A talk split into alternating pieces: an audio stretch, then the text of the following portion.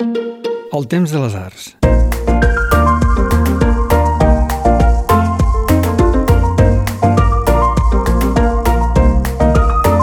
Hola i benvinguts a la reserva del Temps de les Arts. Avui, especial dedicat al Gremi de Revenedors amb la presentació del seu llibre 2048% igual a Barcelona amb Montse Clua i Bernat de Déu des del Born Centre de Cultura i Memòria.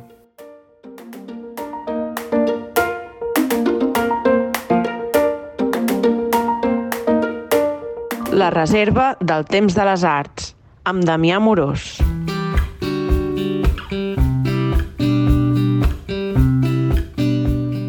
Què tal, Montse? Bé, bé, molt bé. Sí? sí. Què tal, Bernat? M'agrada aquesta. Sembles el Jordi Martí. En principi... Pàgina en blanc. Ara, home, aquí, aquí després t'explicaré per què, eh, un pèl emocionat. Oh, oh, això és interessant. Un pèl emocionat. Presentem aquest llibre de 48, eh, de, de, de 100 visions de Barcelona cap al 2048. Jo crec que la pregunta primitiva, principal, és bàsica, palmària. Montse, com veus la Barcelona d'aquí 25 anys? És una pregunta complicadíssima i en aquest sentit jo admiro moltíssim i agraeixo moltíssim totes les veus que s'han recollit en aquest llibre perquè a més des de l'antropologia el que ens agrada molt és sentir la gent, saber a partir de la gent també veure les expectatives, també les projeccions i el present, perquè al final és el present. Home, jo veig la Barcelona resistent, espero, vaja. Resistent, eh? Sí, sí. Bueno, és clar, és que quan fas prediccions de futur, com deia aquell, és el més difícil de fer, no? Que sobretot si són de futur, no? Um, I potser hi poso expectatives meves, també, eh? Hi ha una part de realisme i una part d'expectativa, però jo crec que un bon exemple d'aquest llibre és que hi ha resistència i que existirà la resistència, perquè veure, també estem aquí amb un exemple d'una resistència de 575 anys, no? i per tant... El gremi? El gremi arribarà a aquests 25 anys en plena forma, segur que sí, i esperem que Barcelona també. I jo crec que sí, que hi haurà coses que hauran canviat a millor, coses que seguiran malament, això és evident, i jo crec que la principal criteri o els dos elements que jo crec que ens definiran la Barcelona d'aquí 25 anys a part de la capacitat de la gent de canviar coses, perquè el que estem projectant aquí es pot convertir en accions i per tant no és només expectatives, sinó que es poden convertir en realitats. Tot, de passar de l'escrit a l'acció, tot és posar-s'hi. Penso que els principals elements de canvi seran l'emergència climàtica, no canvi climàtic, ara ja estem parlant d'emergència climàtica, i això pot generar molts canvis, fins i tot amb la presència de turisme o la presència de fins on arribarà l'aigua, eh? si ens arribarà... Si el monument a Colom serà inundable o no, per submergible. Exemple, per exemple. I eh, tots els canvis de, que, es, que implicaran també de transport, etc. I l'altre, la intel·ligència artificial. Fins a quin punt ens facilitarà, no ens facilitarà, ens acabarà de tancar els comerços o al revés. I sobretot, des de l'antropologia el que vegem és la capacitat d'adaptar-se a aquests canvis de la gent. Llavors és aquí on jo sóc incapaç de dir cap on anirà, perquè tot depèn d'aquestes realitats que estan aquí, com s'hi respon. Com s'hi respon des de la ciutadania i com s'hi respon des del poder polític, que és el que pot fer canvis, també en funció del que la ciutadania apreti. Eh? Un futur doncs, actiu per part de la ciutadania. Jo crec que sí. Aquesta visió.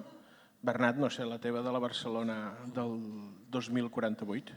Jo, si em permets, faré dos breus preludis abans, permeto, abans de permeto. respondre. En primer, perquè és de consuetud i de cortesia, i jo personalment haig d'agrair al, al Francesc i a la Berta que em van descobrir aquesta entitat de la qual... No la en tenia- coneixies, eh? En tenia un coneixement molt vaga, tot i que he vist que 150 metres, això és molt barceloní, i a vegades eh, que tens coses al, precioses al costat de casa que no coneixes i per tant els agraeixo la visita extraordinària que em van fer on tu hi eres.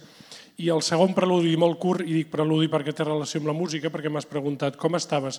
I, i t'he dit, estic una mica emocionat. I estic una mica emocionat perquè aquesta sala va ser una sala on es va fer el primer assaig d'una orquestra que l'Oriol Pérez, el meu estimat amic mestre i músic Francesc Prat i servidora vam crear l'any 2014, que es deia l'Orquestra del Mont Salvat, que va fer un concert a les runes del Born. I m'emociona no només perquè bé, qui, qui hagi organitzat saraus musicals sap que ajuntar 150 o 200 músics que en aquell moment eren de tot el món no és una cosa fàcil, sinó perquè en aquell moment vam fer el concert l'any 2014, sí.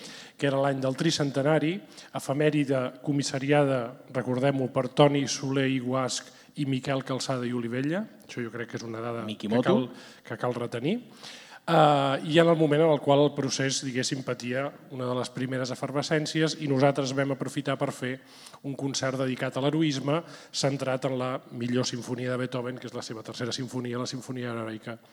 En el moment en el qual aquesta casa era dirigida per un tal Joaquim Torra i Pla, i jo recordo molt bé quan nosaltres organitzàvem aquest concert i vam arribar aquí i vam dir Quim, nosaltres volem posar una orquestra a les runes i, i volem fer un sarau important i recordo que a cada iniciativa nostra doncs en Quim feia aquella, aquella cara de, de mig plorosa de dir ai, això no sé si ho podrem fer. Tot plegat resulta una, una metàfora molt curiosa del que ha vingut després. Um, com m'imagino Barcelona d'aquí 25 anys? Home, jo m'imagino eh, a Barcelona d'aquí 25 anys recuperant-se en allò que deies, de, ho dèieu a la introducció, de confondre una mica les prediccions de futur i de desig, recuperant-se d'una autèntica tragèdia. És a dir, Barcelona s'enfronta a dos anormalitats.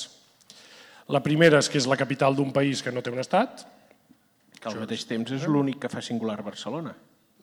Tant de bo no fos. Eh? Però això és, és a dir, tothom, fins i tot els nostres enemics, saben que això és un país i per tant Barcelona hauria de ser una capital més o menys equiparable en poder a les ciutats normals del món. I la segona tragèdia és que Barcelona s'enfronta davant la idiotesa i fins i tot l'autisme de les seves eh, autoritats municipals a un procés de, de deserció. És a dir, Barcelona s'està convertint en una ciutat de la qual els barcelonins fugen i després, si voleu, expliquem per què. I no només això, sinó que, tot i a nivell de cànons internacionals, a nivell dels cànons que doncs, eh, empra la sectorial urbana de Nacions Unides o revistes político... I és on hi ha Joan Clos? Eh, D'espectacles... Hi havia Joan Hi havia Clos. Joan Clos eh, on, on revistes político espectaculars com el Time Out diguéssim, diuen que són de les millors ciutats del món per viure, de les 50 millors ciutats del, del món per viure, sempre hi som. A mi em dóna la impressió que Barcelona és una ciutat que ha deixat de comptar per tot. És a dir, eh, jo vaig viure en una Barcelona, que és la Barcelona postolímpica, on eh, notava pel carrer una sensació que només he vist a l'única altra ciutat on he pogut viure, que és una rèplica de, de Barcelona que hi ha a l'altra banda de l'Atlàntic, que es diu Nova York. Um, que és l'emoció de la gent que està en una ciutat i, i riu i és feliç pel fet d'estar allà.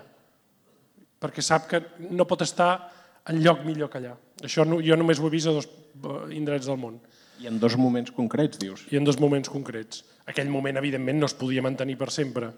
Però Barcelona, que en aquell moment era una ciutat culturalment poderosíssima i còmoda de viure, avui, i amb això acabo, és una ciutat culturalment inoperant, on pràcticament passen poques coses transcendents i altament incòmoda de viure, sobretot pels indígenes que vivim a aquest indret tan curiós que s'anomena Ciutat Vella. Autòctones i indígenes potser és el que més ho noten. Hi ha una, el francès ho deia, si veieu algú de cultura de l'Ajuntament de la Generalitat, aviseu-lo, sisplau, a mi també, els saludaríem, donaríem la mà, que és gratis. De fet, és millor que no hagin vingut. Sí, perquè així podem, podem desbarrar i, i dir-los... El jo ho faria igual, eh, però és que mm, de segons quina administració acostuma a ser gent bastant sinistra. Eh? Sí, sí. Foscos. Bueno, n'hi ha que són blancs, que deixen l'espès igual. Si no, tindrem el running gag Montse tota l'estona. Uh, sí que voldria destacar algun... Hi ha uns, ho veuran quan, quan tinguin el llibre a la mà, hi ha uns destacats al principi de cada frase. Jo n'hi ha hagut un, del, del Domingo Pérez, que, que crec que resumeix molt bé el que deies tu, Bernat, i resumeix l'esperança en la societat que posava la Montse, que és la societat s'ha fotut una hòstia impressionant, i més amb una exclamació al final.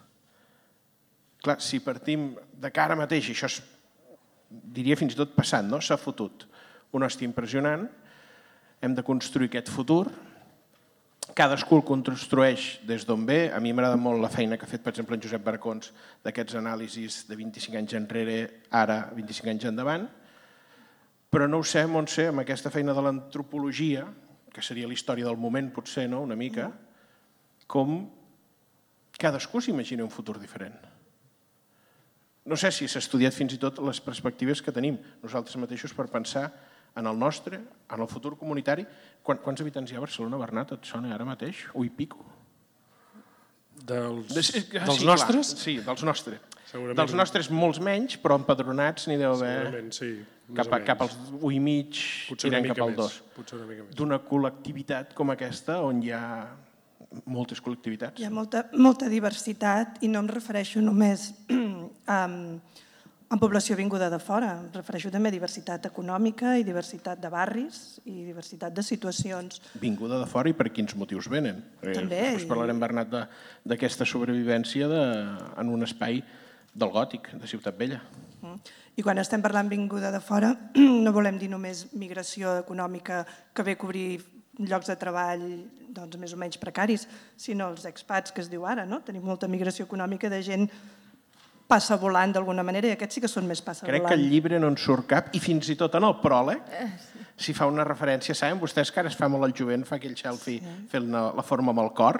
Doncs jo veig el francès fent això i després automàticament una botifarra ben grossa per, pels expats, pels nostres amics expats. Però clar, són una realitat també que intervé i que interfereix o que, o que està participant d'aquesta Barcelona d'ara, no? I que, i que implica una població que potser no arribarà a arrelar-se com altra immigració sí que, pot, que arribarà a arrelar-se, perquè estem reproduint una mica els altres catalans del Candel, uns anys més tard, no? I aleshores, igual que arribaven aquells catalans que semblava que potser no acabaven de ser, que no parlaven català, però que són els nostres avantpassats de molts de nosaltres, d'aquí 25 anys doncs, hi haurà aquests altres nous catalans que, que tenen una altra realitat d'origen, de llengua, de religió, etc. No?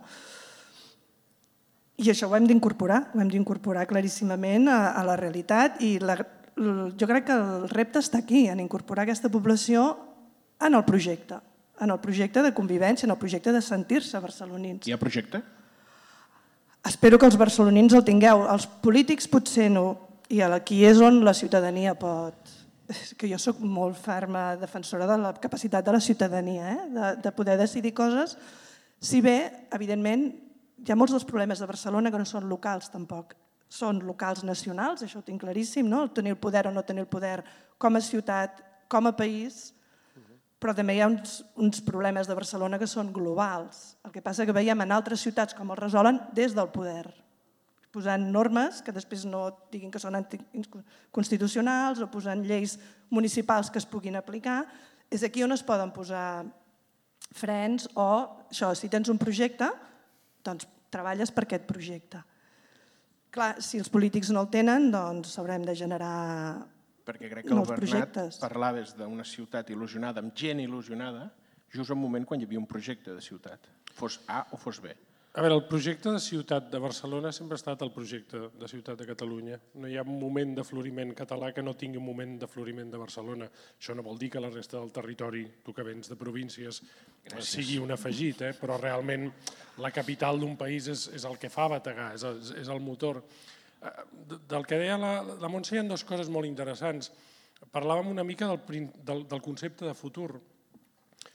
En això la, la meva generació, diria, i les generacions més grans que jo, tenim una, una responsabilitat, perquè hem inculcat directament o indirecta la sensació als nostres joves de que de futur no n'hi ha.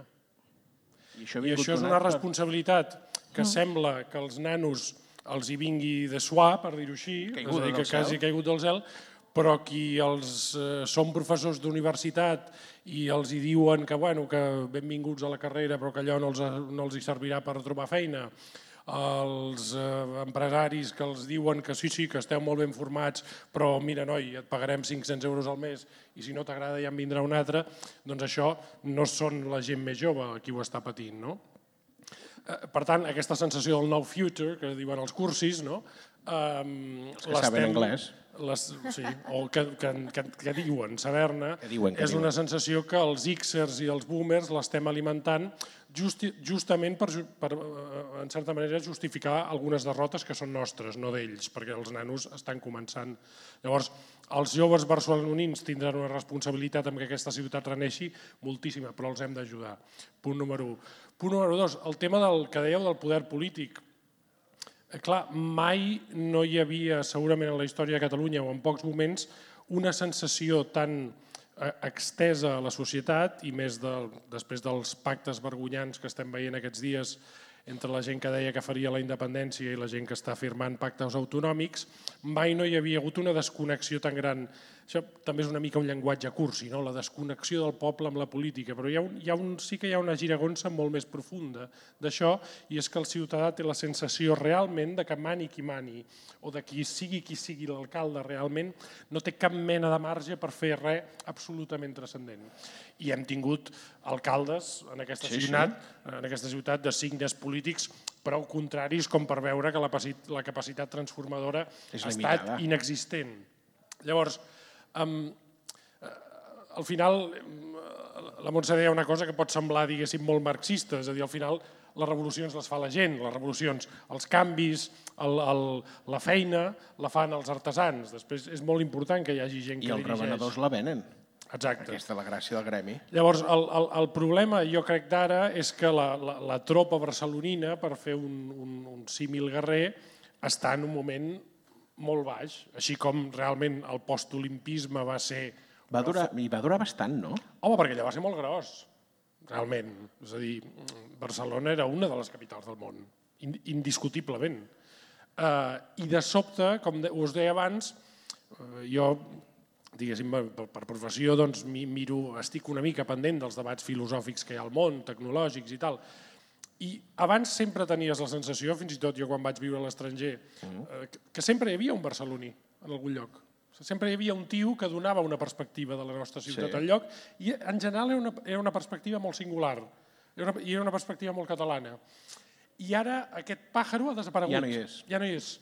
És a dir, eh, dins les qüestions eh, importants, eh, la nostra opinió ha deixat d'importar. Això no vol dir que a Barcelona no hi hagi gent que fa coses excel·lents, tenim actors excel·lents, escriptors excel·lents, mm, podcasters excel·lents, Gràcies. comunicadors excel·lents, Gràcies. patrimonialistes excel·lents, Gràcies, no cal, que digui, no cal que t'ho digui, però sí que realment hi ha una sensació de dir, de dir hosti, mm, en el mapa global mm, no hi som. Hi ha una frase, i, i això jo no sóc del Barça, però per la gent que és del Barça, el president Núñez, hi havia aquella frase que deia el club, la ciutat que porta el club, el nom del nostre club, i aquelles imatges que diu quan surt uns negrets de l'Àfrica van amb la samarreta del Barça. És aquesta sensació, crec. És a dir, el fet de que Barcelona ja no juga un paper a l'exterior. No sé, Montse, si et passa tu quan viatges fora, dius que ets de Barcelona o dius que ets de Terrassa? No, no, evidentment. Jo, jo vinc de comarques de Terrassa i, per tant, sóc una infiltrada aquí parlant de Barcelona. També és de província. Però... Bueno, De comarques, jo dic comarques. comarques. Però justament, una altra vegada, ja veieu que sóc optimista, eh? però intento eh, mm, reproduir-vos la importància que té Barcelona pels de comarques. És a dir, això encara ho té Barcelona. Barcelona i, i, és, i és el que esperem que duri molts anys. És a dir, encara és venir a Barcelona perquè oferiu cultura, musicals en català no situació- tants, no? però musicals o teatre o Exposicions. museus, exposicions, també comprar a certes botigues, o sigui, que ara té una atracció molt important. Cada vegada ens costa més arribar amb cotxe, cada vegada el transport públic és També és un tema que se'n parla bastant, sí, I us ho senyora. diu una de Terrassa, que és fàcil de venir amb tren. Eh? Tenim Renfe catalans i estem superben comunicats, però altres zones que has de venir, doncs venir a Barcelona requereix el cotxe. No? bueno, mm, jo crec que, que, que hi ha un... Encara és una ciutat important pel país, potser políticament És la ciutat del país, no? Segurament. sí, però és veritat que aquesta capitalitat s'ha anat perdent, aquesta importància de cap i casal en termes de país, perquè estem en aquesta depressió nacional no? De- no? De- d'aquest moment. I també això em fa referència al que deies abans. No? Jo crec que la importància de la gent jove d'ara és que és una situació molt diferent del, del Barcelona del 92 perquè es venia d'on es venia i allò era una il·lusió d'anar cap amunt. I ara venim d'on venim i anem cap avall, és molt difícil generar il·lusió amb els joves. No? I és la nostra responsabilitat, perquè si només veiem els problemes com, a, com sense solució, generem desacció, generem desafecció, generem és igual que governi, és igual el que fem perquè no té solució. Clar. I això és, En- en- en és el més antipolític que pot haver-hi. En l'esperit d'això que dius, i contravenint el meu clima pessimista, per, com que veig cares joves a l'audiència, és important recordar-ho, Barcelona és l'única ciutat d'Europa segurament que ha resistit als processos d'unificació cultural dels estats del segle XIX. Això val la pena recordar-ho.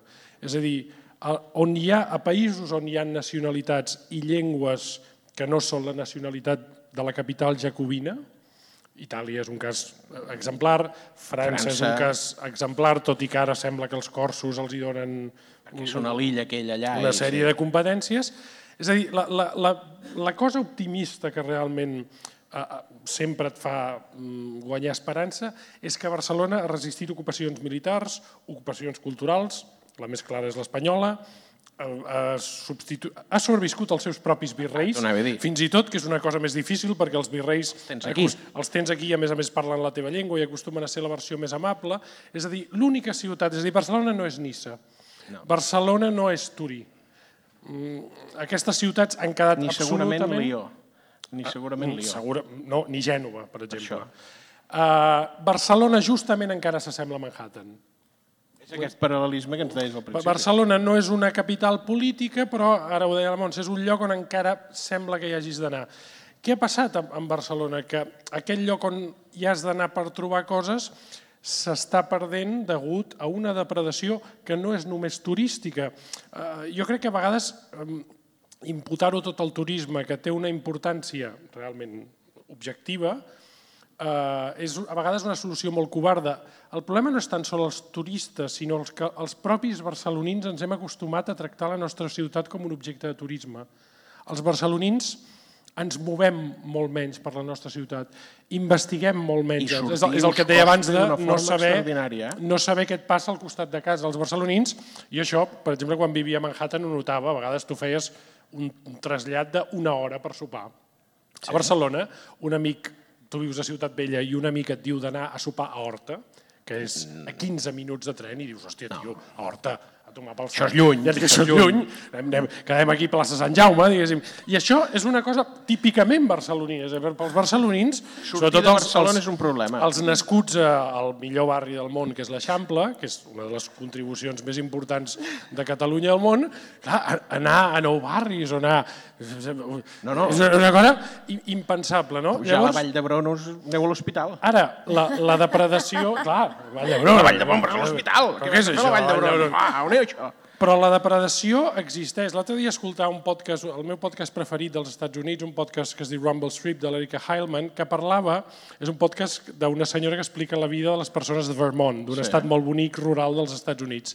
I va dedicar un episodi a un dels poblets de Vermont on, on va haver-hi una tragèdia que és que va desaparèixer una botiga.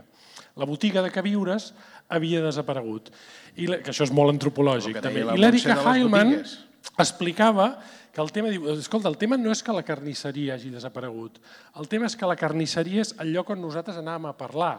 Era el lloc on tu sabies que el veí de no sé què s'havia llitat amb la cosina del no sé què. Eh, és on descobreixes que el paio aquell s'ha mort. Quan la botiga de barri, el Desapareix. mercat de barri desapareix, desapareix la conversa veïnal. Els barcelonins estem, estem vivint, i això la pandèmia ho ha acusat molt, un procés d'entotsolament i de falta de diàleg que a mi em sembla eh, eh, eh, estratosfèric i molt alarmant. Suposo que els antropòlegs ho noten més que, que els pensaires, no, això? Sí, sí, sí, no. La veritat és que el més important és la socialització, realment. Conèixer els teus veïns i, si no els coneixes, trobar les, la forma de conèixer-los. Que la, la nova botiga podés una altra i la nova veïna podés una altra. I jo crec que aquí té molt, molt paper l'escola també, perquè si l'escola pública hi ha un intercanvi de població, que no és només l'aprenentatge de la llengua, que també, que puguem seguir parlant català mínimament, ni que sigui per obligació les hores que ens deixen d'immersió parlarem. lingüística, sinó per contacte amb aquestes famílies que veuen que en aquesta casa del teu company també es parla català. No és només perquè ens ho fan parlar a l'escola, sinó que realment a casa seva el parlen, no? O perquè aprenem a conèixer altres realitats i altres festes, i al... perquè una cosa és ser una ciutat multicultural, l'altra cosa és ser una ciutat intercultural. I un exemple molt fàcil que us posaré. Quan va haver-hi el, terratrèmol del Marroc no fa gaire, quants de nosaltres teníem un amic o una amiga a qui trucar de dir-li escolta, com esteu, com està la teva família? Mm -hmm. Això és realment la interculturalitat, quan tens amics marroquins, no és només veïns que estan per allà, que saps que hi són. No? Gent que tens al telèfon, no? Exacte, exacte. Això que els, els catalans ens costa eh, intimar amb la gent, també tenim un problema de que ens costa donar el telèfon i convidar la gent a casa. Eh? Sí, sí. I, I si són de Barcelona, no vindran a Terrassa. Eh? Els de Terrassa hem de venir sempre a sopar a Sí, Barcelona. baixem, baixem, baixem. Això que la meva filla agafa el tren de Barcelona com que agafa el metro. Per això us dic, la gent jove ve moltíssim aquí. I nosaltres anar a Barcelona era, bueno, anem a Barcelona, agafem el tren, era fer el dia, no? Ella no, a les 6 de la tarda diu, me'n vaig a Barcelona. I dius, a les 6 de la tarda sí, he quedat amb no sé qui. És un metro per ells. Vull dir que hi ha molta població que encara ve aquí a També és Barcelona. una visió de futur.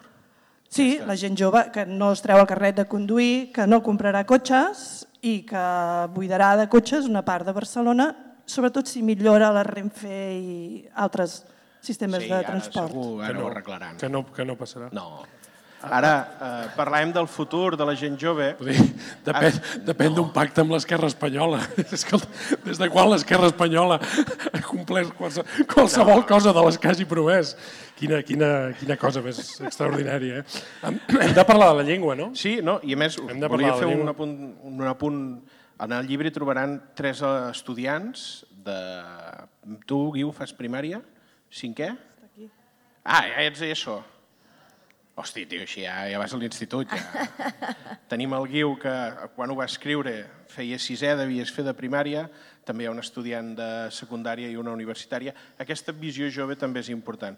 I parlàvem de llengua, molta gent eh, indica que seguirà parlant català a la Barcelona del 2048 i els hi recomano molt també un article de dins d'aquestes visions, que és la carta de la Carme Junyent, un article preciós, Mm, molt bonic. un article que, que veuran que, que la Carme es transporta a una visió d'una altra dona, jo entenc almenys que és una dona, del futur.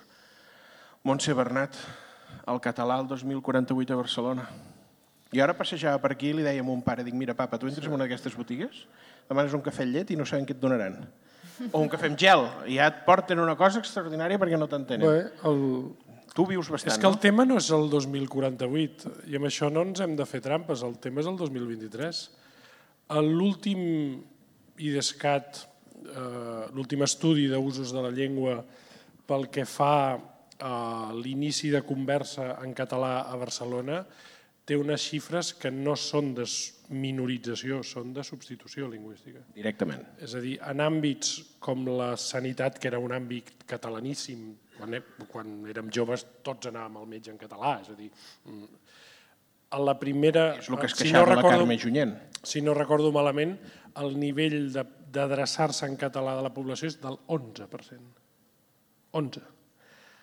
El petit comerç és un 10. I així... Vale? Llavors, clar, mm, eh, la, la Carme ho deia molt bé. Aquest país és un país que té coses molt bones, però que té coses molt dolentes. Unes és que ens creiem les nostres pròpies ficcions. El procés és un exemple molt clar. Una de les ficcions que ens hem cregut és la, la immersió. La immersió lingüística, hi ha nens petits, anar a fer una comparació que no es pot fer, No, no, i el Guiu, pobre. però ja ens, eh, que, que encara tenen una certa il·lusió. És com els... Mm? Ja, ens, ja ens entenem, no? Uh, uh, no pels espanyols, eh? sinó pels inspectors de la Generalitat que no van als instituts a assegurar-se que les hores de classe en català que s'han de fer es Siguin facin. aquelles. O sigui, no és l'enemic, eh? som nosaltres, com passa sempre, per l'altra banda. Llavors, clar, els percentatges del 2023 són espaordidors. Jo visc al carrer Sant Sever, a costat de casa, i jo em moc en anglès. Dèiem un dia dir- que potser el Gremi era de les poques institucions que expressava en català en I, aquella i, zona. et, I et diré més, amb els est... perquè eh, us ho dic per futures temptacions que tindrà la ultradreta en aquest país ara que vindran eleccions al Parlament. El problema no són els estrangers. No, El problema no són els estrangers. Jo no tinc cap problema amb els paquis Jo no tinc cap problema amb el Right Side Coffee, que és una cafeteria cool brooklyniana que acaba de, de, d'inaugurar-se a sí. casa meva, perquè el primer dia jo vaig entrar allà, vaig parlar en anglès amb el seu propietari i el seu propietari, que és americà, Sí. i que per tant el que li interessa són els diners, em va dir fes-me un full amb totes les coses que jo puc dir aquí en català. I jo li vaig fer. Bueno, I a partir de llavors li costa, però em diu bon dia. Després pot- potser parlem en, en, Sí, sí, anglès, sí, en anglès sí, sí. perquè a mi també em fa gràcia parlar en anglès. Però, bon dia. Però el tio ho sap. El problema, per tant, no és No el tema de la aquests. immigració. És, com sempre, els espanyols, que és la gent que no, no vol parlar català perquè simplement no vol. Llavors, el 2048 es parlarà català? Evidentment que es parlarà català perquè, entre altres coses, el 50% com a mínim de la gent que estem aquí seguirem vius, més o menys. Jo jo m'he cuidat lo suficient com per no estar-ho, diguéssim, no? Perquè, a més a més, això se m'està fent molt llarg, diguéssim. Per tant, es parlarà català, sí. Ara, les xifres de transmissió de la llengua són terrorífiques. Ara, i això també és molt curiós del nostre país, el nostre nivell editorial És i el nostre nivell literari és extraordinari. De I país d'Europa modern. I això és que té collons. És a dir, tu vas a la Setmana del Llibre, veus el nivell d'editorials nostres com Adés i Ara, Ela Geminada, eh, moltíssimes, Moltíssimes, eh, moltíssimes. com l'altra, eh, sobretot Males els, els, sí, sí. els grups petits, dius, conyo, això és l'hòstia. Mires l'índex de lectors Pam. i no hi ha lectors en llengua catalana. En, en català ja no llegeix Ningú. ja no llegeix ningú. Llegeix Els d'aquí sí, que llegiran el llibre. Sí, però, però és que us esgarrifaríeu de les dades. No el que diuen els gremis de llibreters, No, no, no. quan diuen els, el no sé quant, això, tot això és mentida, perquè, és, perquè quan un llibre es llegeix ho notes en la conversa pública. El, el nivell de compra de llibres en la nostra llengua és desastrós. Donem una volta per una llibreria i es veu ràpidament com funciona. Montse, la, la llengua. Amb aquests veïns, segurament marroquins, hi podies parlar català amb molts, Mm. Sí, que teníem el potser telèfon. amb, amb els pares no, però amb els fills ja sí, i una mica ens passarà com deia el Candel, no? com molts pares aprenien el català a través dels seus fills, fills. que sí que estan fent la immersió lingüística. Jo, per exemple, al costat de casa tenim una botiga que regenta una xinesa, que jo li parlo en català, més o menys, ens entenem, ella em contesta amb el seu castellà, però el seu fill ja parla absolutament en català, no? perquè ja s'ha escolaritzat aquí. No? Aleshores, jo penso que és una mica, una mica no, és bàsicament d'actitud, perquè la gent a vegades confonem el respecte amb els prejudicis i depèn d'aquí, ja li parlem en castellà perquè té un aspecte concret, no? I l'altre prejudici del respecte, no? la cordialitat, les coses, tots ens podem fer entendre. No m'has entès, doncs t'ho torno a repetir, és la primera vegada que has vingut, no pateixis, t'ho explico. Què passa? Que és molt cansat. Eh? Aquesta resistència és molt cansada. Però és la manera de, de fer-la més còmoda, també, no? d'incorporar la gent sense cap mena de, de risc. I una altra vegada, tal com està anant la intel·ligència artificial, d'aquí quatre dies no ens passarà... Ja venen població xinesa que no sap parlar ni català ni castellà i va amb el Google Traductor i s'entenen igualment i poden circular amb, o l'altre dia una, una alumna que va venir a la Universitat Autònoma amb el tren des de Barcelona, esclar, tot està en català. I ella no Com ha de parlava ser. català. Sí, tot, tot està en català. I se'n van sortir perfectament. Va arribar, On hi ha no? un mòbil, te'n surts. Va arribar a classe. Arribes a tot arreu. Aleshores, això també pot ajudar-nos a no haver de canviar de llengua perquè ja hi haurà mecanismes que ni jo hauré d'aprendre el xinès, ni tu potser... Pels que no visquin aquí, eh? refereixo Sí, més sí, pels sí, sí, passavolants o pels que acaben d'arribar. Turisme, potser també. I donem-li temps a la gent, els que realment s'arrelin. Si no hi ha una separació molt gran entre comunitats, si els incorporem, si no fem una distinció molt forta d'un entorn en què parlem català els que estem aquí, però potser no hi ha aquí gent que potser no el parla, no ho sé. Deixant de banda la llengua, la joventut, la ciutat, jo crec que hi ha un running gag en aquell llibre, quan el llegeixin ho veuran, que és la Sagrada Família. Jo que vinc de fora, vinc de Serral, ho havia de colar com fos Bernat, això de, de Serral. M'estàs provocant. Sí, no, no. Sagrada Família. Mm, La majoria ens parla que s'acabe la Sagrada Família. Montse, Jo pensava, com pensava d'aquí 25 anys, que pensava, no crec que hi hagi cotxes voladors, eh, com hi ha alguns dels dibuixos, això, jo no me l'imaginava acabar de la Sagrada Família, perquè ja fa tants anys que s'ha de fer i s'ha d'acabar, que potser és una de les gràcies, eh? no sé, potser està bé que no l'acabem del tot, que sigui un projecte. No sé, jo no me l'imaginava acabada. Gaudí no la va veure acabada. Pobre el tramvia, l'any 26, xaf. Sàpiguin que no era el tramvia que ell va veure, sinó que era el de pujada. Llavors, pobre, li va anar per darrere. No sé, Bernat, la Sagrada Família. És que em provoques. Perquè... Sí, sí, per això, per això. No, perquè el put em coneix... Jo tinc, un, bueno, tinc molts problemes, però un dels problemes que tinc és que jo sóc fill espiritual i lector devot d'Eugeni d'Ors, per tant, sóc un noucentista, eh, i Nietzsche, i l'arquitectura modernista em sembla espantosa. Dintre de l'arquitectura modernista, que té genis indiscutibles, de fet, el meu arquitecte preferit sempre serà en Domènech, que Ah, em sembla un, un, un arquitecte molt, molt superior a Gaudí. Clar, el, els noucentistes sempre ens hem dedicat a insultar la Sagrada Família perquè és l'asa dels nostres cops. És un esport nacional del nou sentit. Tam, també t'haig de dir que jo m'he reconciliat amb la Sagrada Família, que és una No. cosa... Que és una cosa ara et diré per què. Que és una cosa literalment espantosa, perquè evidentment Gaudí només em va deixar uns, unes, unes traces molt indeterminades i una sèrie d'impostors han agafat aquests dallonsis i han començat a dir aquí em sembla que hi hauria un cap de bou. Mira, Fot-li un cap Um, de bou. cap de bou. Tres tones, un bou allà, que quan el van fot... Allò era una cosa espantosa. L'han vist, això ho han fet la setmana allà. passada, eh? Això va ser la Els- setmana els- passada. els xinos estaven allà fotent fotos autènticament al·lucinats pensant-se que els catalans som una gent absolutament... Que, bueno, que estem sonats, però és molt divertit. Però ara, per què és important la Sagrada Famí- Família? Perquè realment ens explica una mica. Eh, Hi ha, hi ha un dels episodis més, més divertits de la història, perquè allò també és eixample, de la Sagrada Família, que és quan, en un exercici d'honestedat, el Subiracs s'encarrega sí. de la façana principal, diguéssim, on La de, s'agrupia la tota de la història. passió, la de la passió. I en Subiracs, que és un dels, dels artistes més ploms de Catalunya, aquells gravats que hi havia a les oficines de la Caixa, aquell gris... Els metges, els cosa- viatjants de, de medicaments en gris, portaven molts. Convergent, allò de dir, hòstia... Bueno, espantós, però era molt bon dibuixant, cal Sí, dir-ho. sí, un gran- Per si hi ha algun hereu, perquè sempre hi ha un fill o un cosí a algun lloc, o sigui, era un molt bon artista, però era una cosa gris, catalana i tal.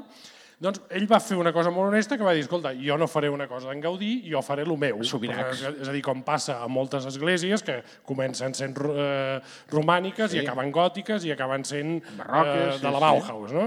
Llavors, escolta, jo faré el meu. És a dir, ell no va dir, jo agafaré Gaudí i interpretar... No, no, no, va dir, escolta, jo faré les meves escultures. I recordo un moment molt entranyable en el qual els, els meus pares noucentistes, és a dir, l'Oriol Boigues i companyia, van organitzar una cosa típicament barcelonina, van organitzar una aquelarre per muntar literalment una escena... A més, el Subiracs, cal dir-ho, era plom, però era bon tio. Eh? Sí, que el, bona persona era bona era, persona.